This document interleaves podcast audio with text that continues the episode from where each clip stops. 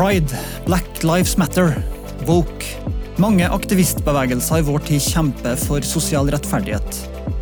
Men Bibelen forkynner også et budskap om rettferdighet, og om en rettferdig Gud. Hva betyr det? Betyr det egentlig at vi som kristne har en viktig stemme i det å bygge en rettferdig verden? I disse fem episodene av Bibelkvarteret vil jeg gå nærmere inn på dette store spørsmålet. Bli med og undersøk et av de store hovedtemaene i Guds ord.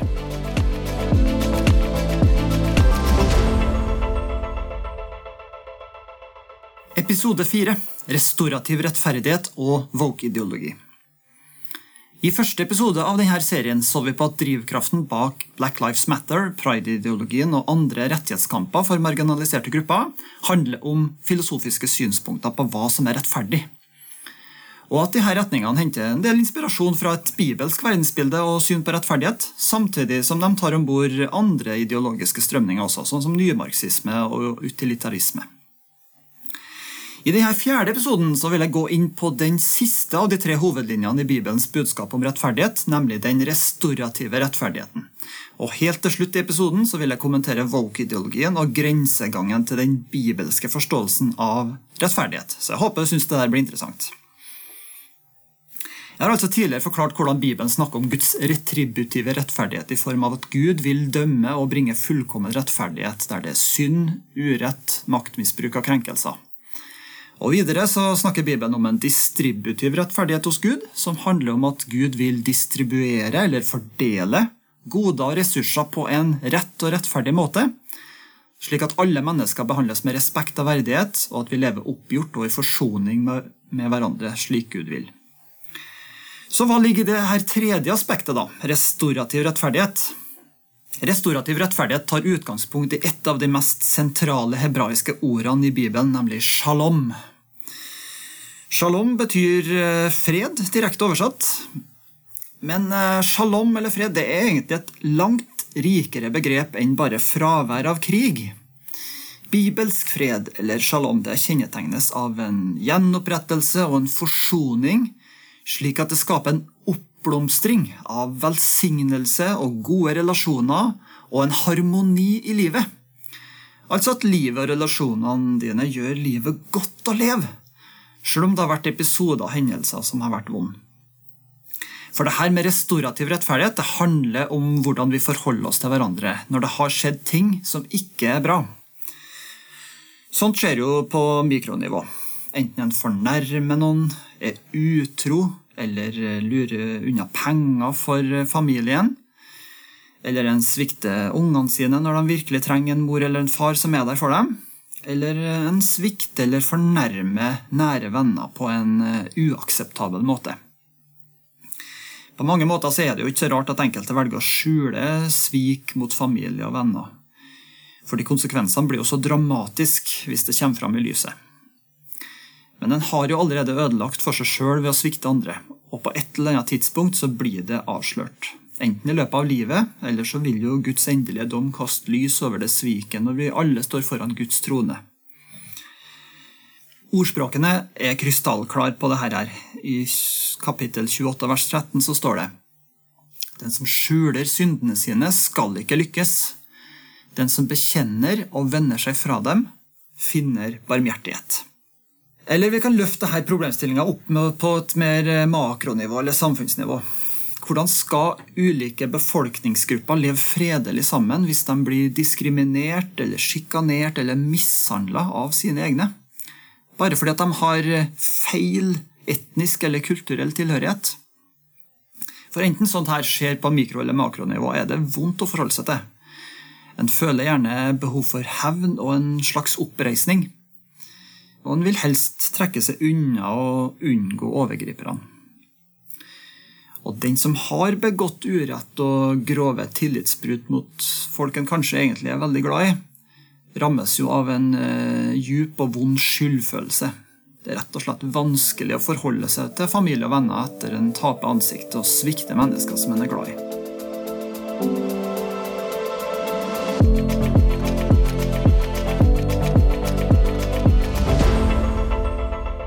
Det mest nærliggende for oss kristne det er å snakke om tilgivelse som løsningen.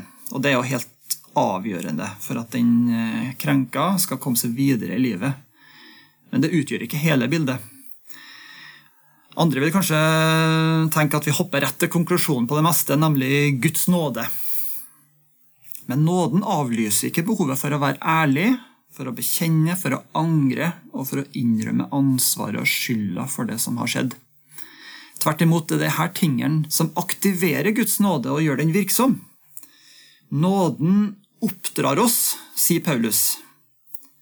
I Titus brev kapittel 2 vers 11-13 så står det For Guds nåde er blitt åpenbart til frelse for alle mennesker. Den oppdrar oss til å si nei til et ugudelig liv og verdslige lyster, og leve forstandig, rettskaffent og gudfryktig i den verden som nå er, mens vi venter på vårt salige håp, at vår store Gud og frelser Kristus Jesus skal komme i herlighet. Så for å kunne leve videre sammen på tross av urett og vonde episoder, er det nødvendig i tillegg å snakke om et begrep som er beslekta med både tilgivelse og nåde, nemlig forsoning. Ikke bare mellom Gud og oss, men forsoning mellom mennesker. For Guds restaurative rettferdighet er ikke et slags eh, nullsumspill som gjør at eh, overgriperen må tape for at den krenka skal vinne. Et sånn eh, nullsumspill vil jo avle behovet for ny hevn og gjøre at hevnspiralen ikke brytes. Siktemålet må heller være at begge skal kunne leve i en slags fredelig sameksistens ved siden av hverandre, på tross av uretten som er begått. Og Det er jo det som er hovedspørsmålet når vi snakker om restaurativ rettferdighet. Hvordan kan forsoning skje?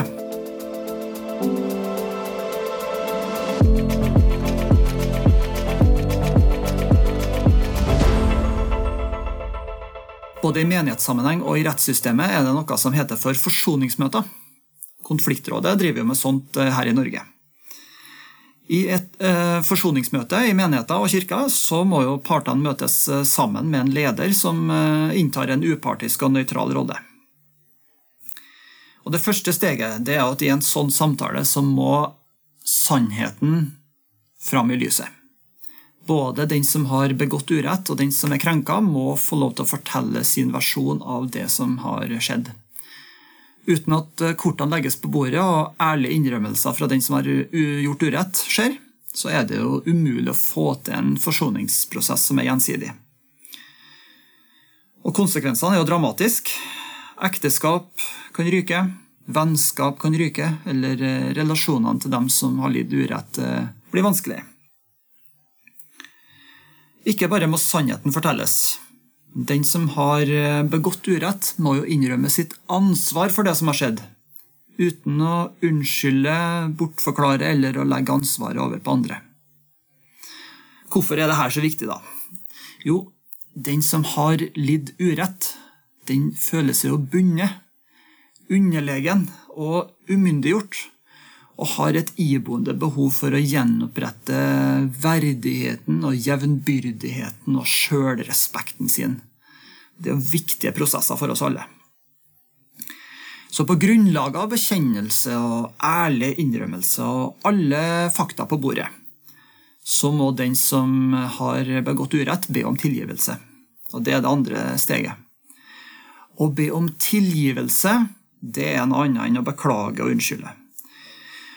Å be om tilgivelse er å innrømme den andres verdighet og ukrenkelighet som medmenneske. Å be om tilgivelse er å innrømme ansvar. Å be om tilgivelse er å ta konsekvensen av at den andre er skapt av Gud, og at du har krenka Gud ved å krenke de neste. Og Dette steget det er nødvendig for eh, forsoning og en nær relasjon videre. Det tredje steget er at eh, den som har lidd urett, må ta et valg om å tilgi. Og Det er viktig at ikke det presses fram eller påtvinges. Den som har vært utsatt for eh, grove tillitsbrudd eller grov urett, må få rom til å myndiggjøres på en sånn måte at den frivillig tilgir den som har gjort urett.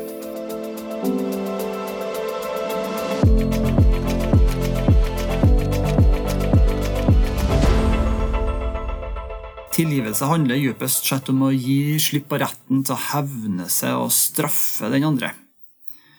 Og det handler egentlig ikke om den andre har fortjent tilgivelse eller ikke. Fordi tilgivelse handler om å utvise nåde. I det du tilgir den andre, så vil verdigheten og sjølrespekten din eh, gradvis vokse fram igjen. Og en myndiggjøres igjen til å bli et jevnbyrdig medmenneske på linje med de andre.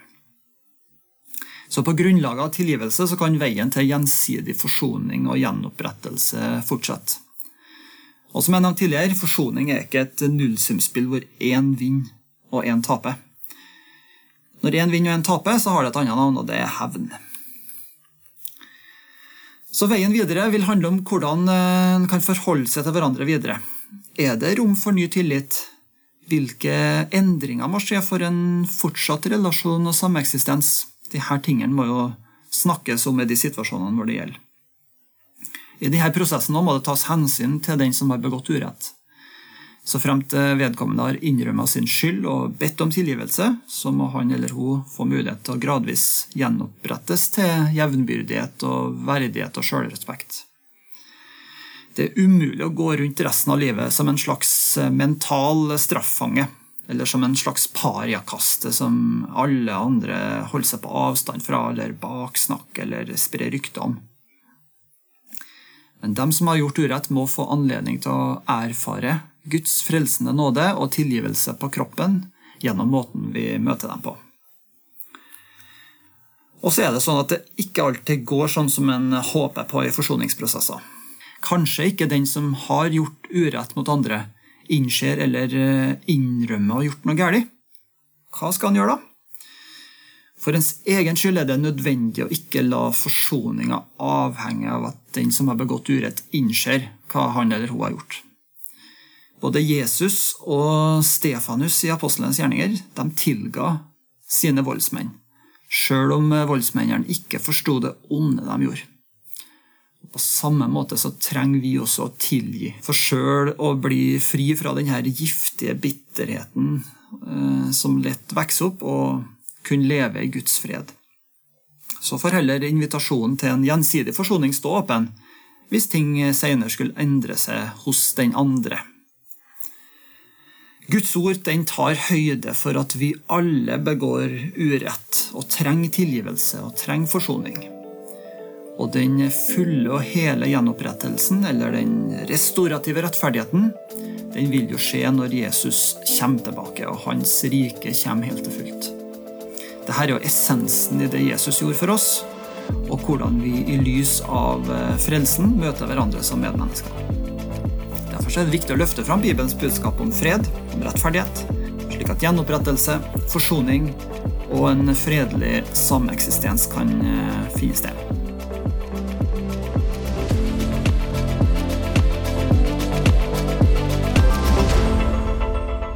Vi nærmer oss avslutninga på denne serien om bibelsk rettferdighet. og Jeg har prøvd å tegne et bilde av at kampen for en mer rettferdig verden er en rød tråd i hele Bibelen, og at det er sentralt i det Jesus kom for å bringe til jorda. La din vilje skje på jorda sånn som i himmelen, ba jeg Jesus. Men hva er så denne woke-ideologien, og hvorfor er det noe vi trenger å ha kunnskap om? Woke er jo et engelsk uttrykk for å være våken og oppmerksom på urettferdigheter i samfunnet. Og det å være engasjert i kampen mot rasistisk, sexistisk og sosial diskriminering. Og på sitt beste da, så hjelper woke-ideologien oss til å lytte til og gjenkjenne sosial urett som finnes i verden i dag alle former for rasisme og stigmatisering pga. din eh, sosiale gruppetilhørighet er jo i strid med evangeliet og det kristne menneskesynet. Rasisme er jo ikke bare et problem i USA, som jo har en århundrelang historie med slaveri og rasisme. Men det er viktig å anerkjenne at det eksisterer også i Norge, som har en annen historisk kontekst. Og For å forstå hvordan det eksisterer i Norge, så trenger vi å lytte til dem som har erfaringer, av dem som er farga nordmenn som møter på det her i sin hverdag eh, her i Norge. Og prøver å lytte og ta inn over oss eh, at det foregår. På overflata så kan det jo virke som at eh, woke-aktivister og kristne vil det samme. Vi vil jo skape en mer rettferdig verden, hvor urett og fattigdom bekjempes og marginaliserte grupper blir behandla med respekt og likeverdighet. Likevel så må vi innse at det er ganske så forskjellige veier fram til en rettferdig verden i de to eh, synene. For når Guds nåde og Guds evige kjærlighet og Jesu død på korset for å sone straffa for synd, når alt der uteblir, så blir veien fram til rettferdighet fundamentalt annerledes.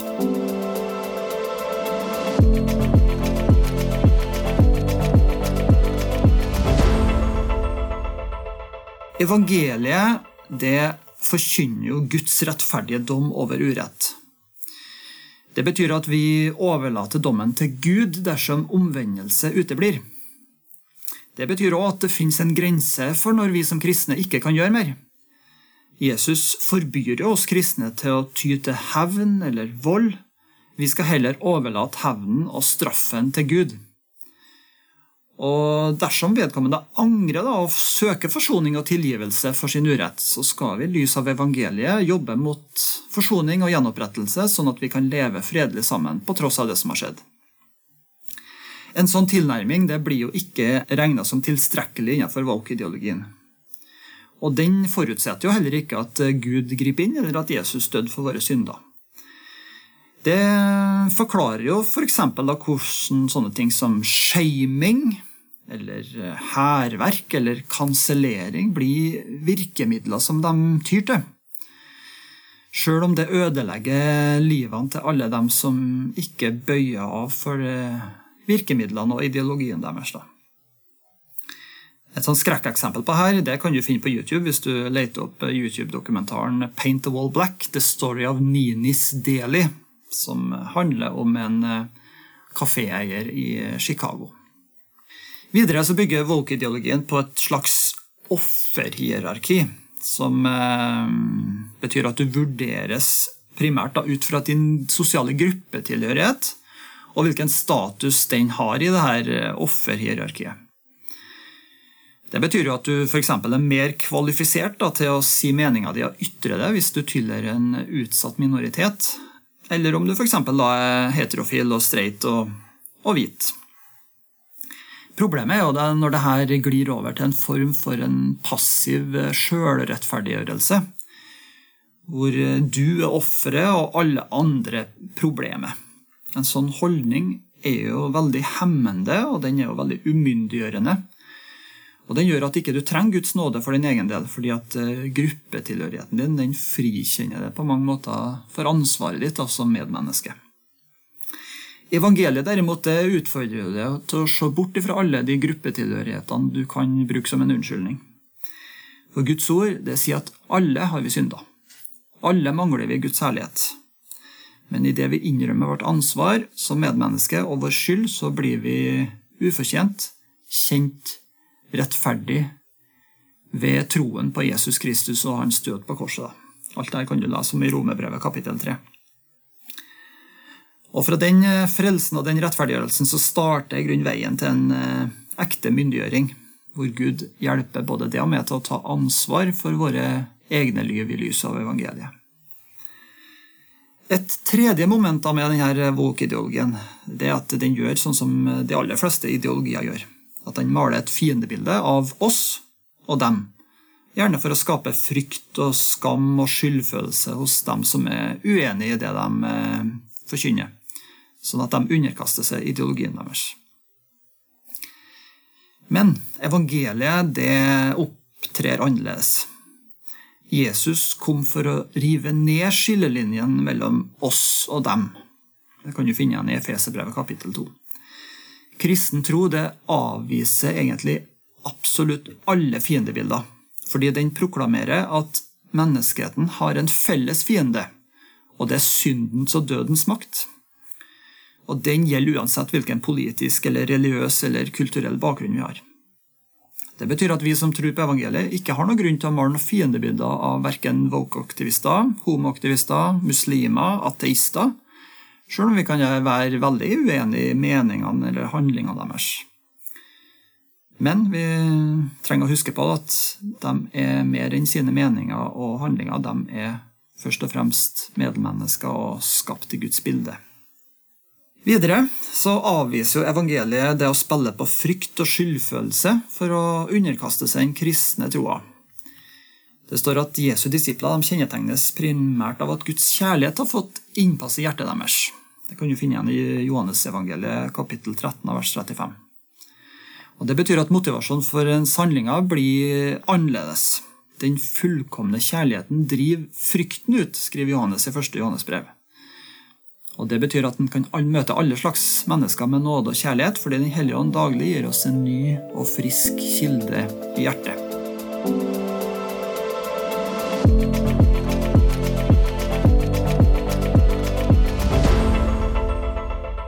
Det er grunn til å tro at valgideologien vil bli enda mer toneangivende i Norge i årene som kommer. Og I likhet med andre ideologier så har den jo en tiltalende visjon om rettferdighet. Men jeg har lyst til å låne Anja Slettelands ord, og en skribent i Morgenbladet. Hun skrev noen som passer godt på både dette og andre fenomener.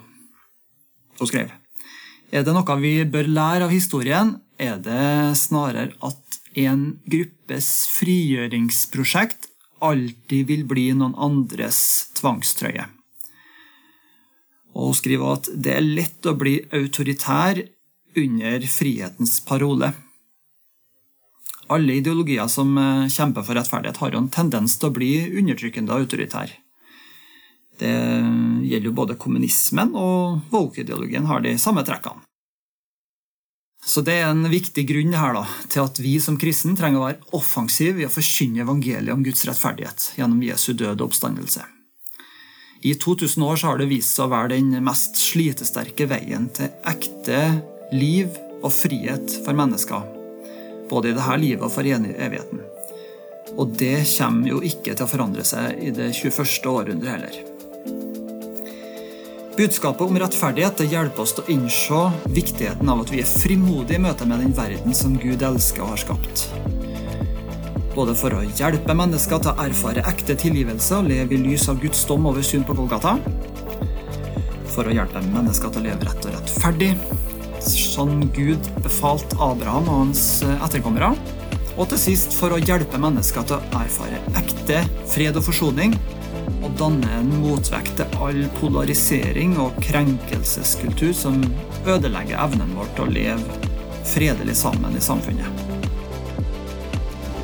I siste episode vil vi se på det vi kaller anvendt rettferdighet, hvor jeg diskuterer hvordan eh, Bibelens syn på rettferdighet kaster lys over forholdet vårt til både penger og makt og medmennesker. Håper du har lyst til å høre den. Ja.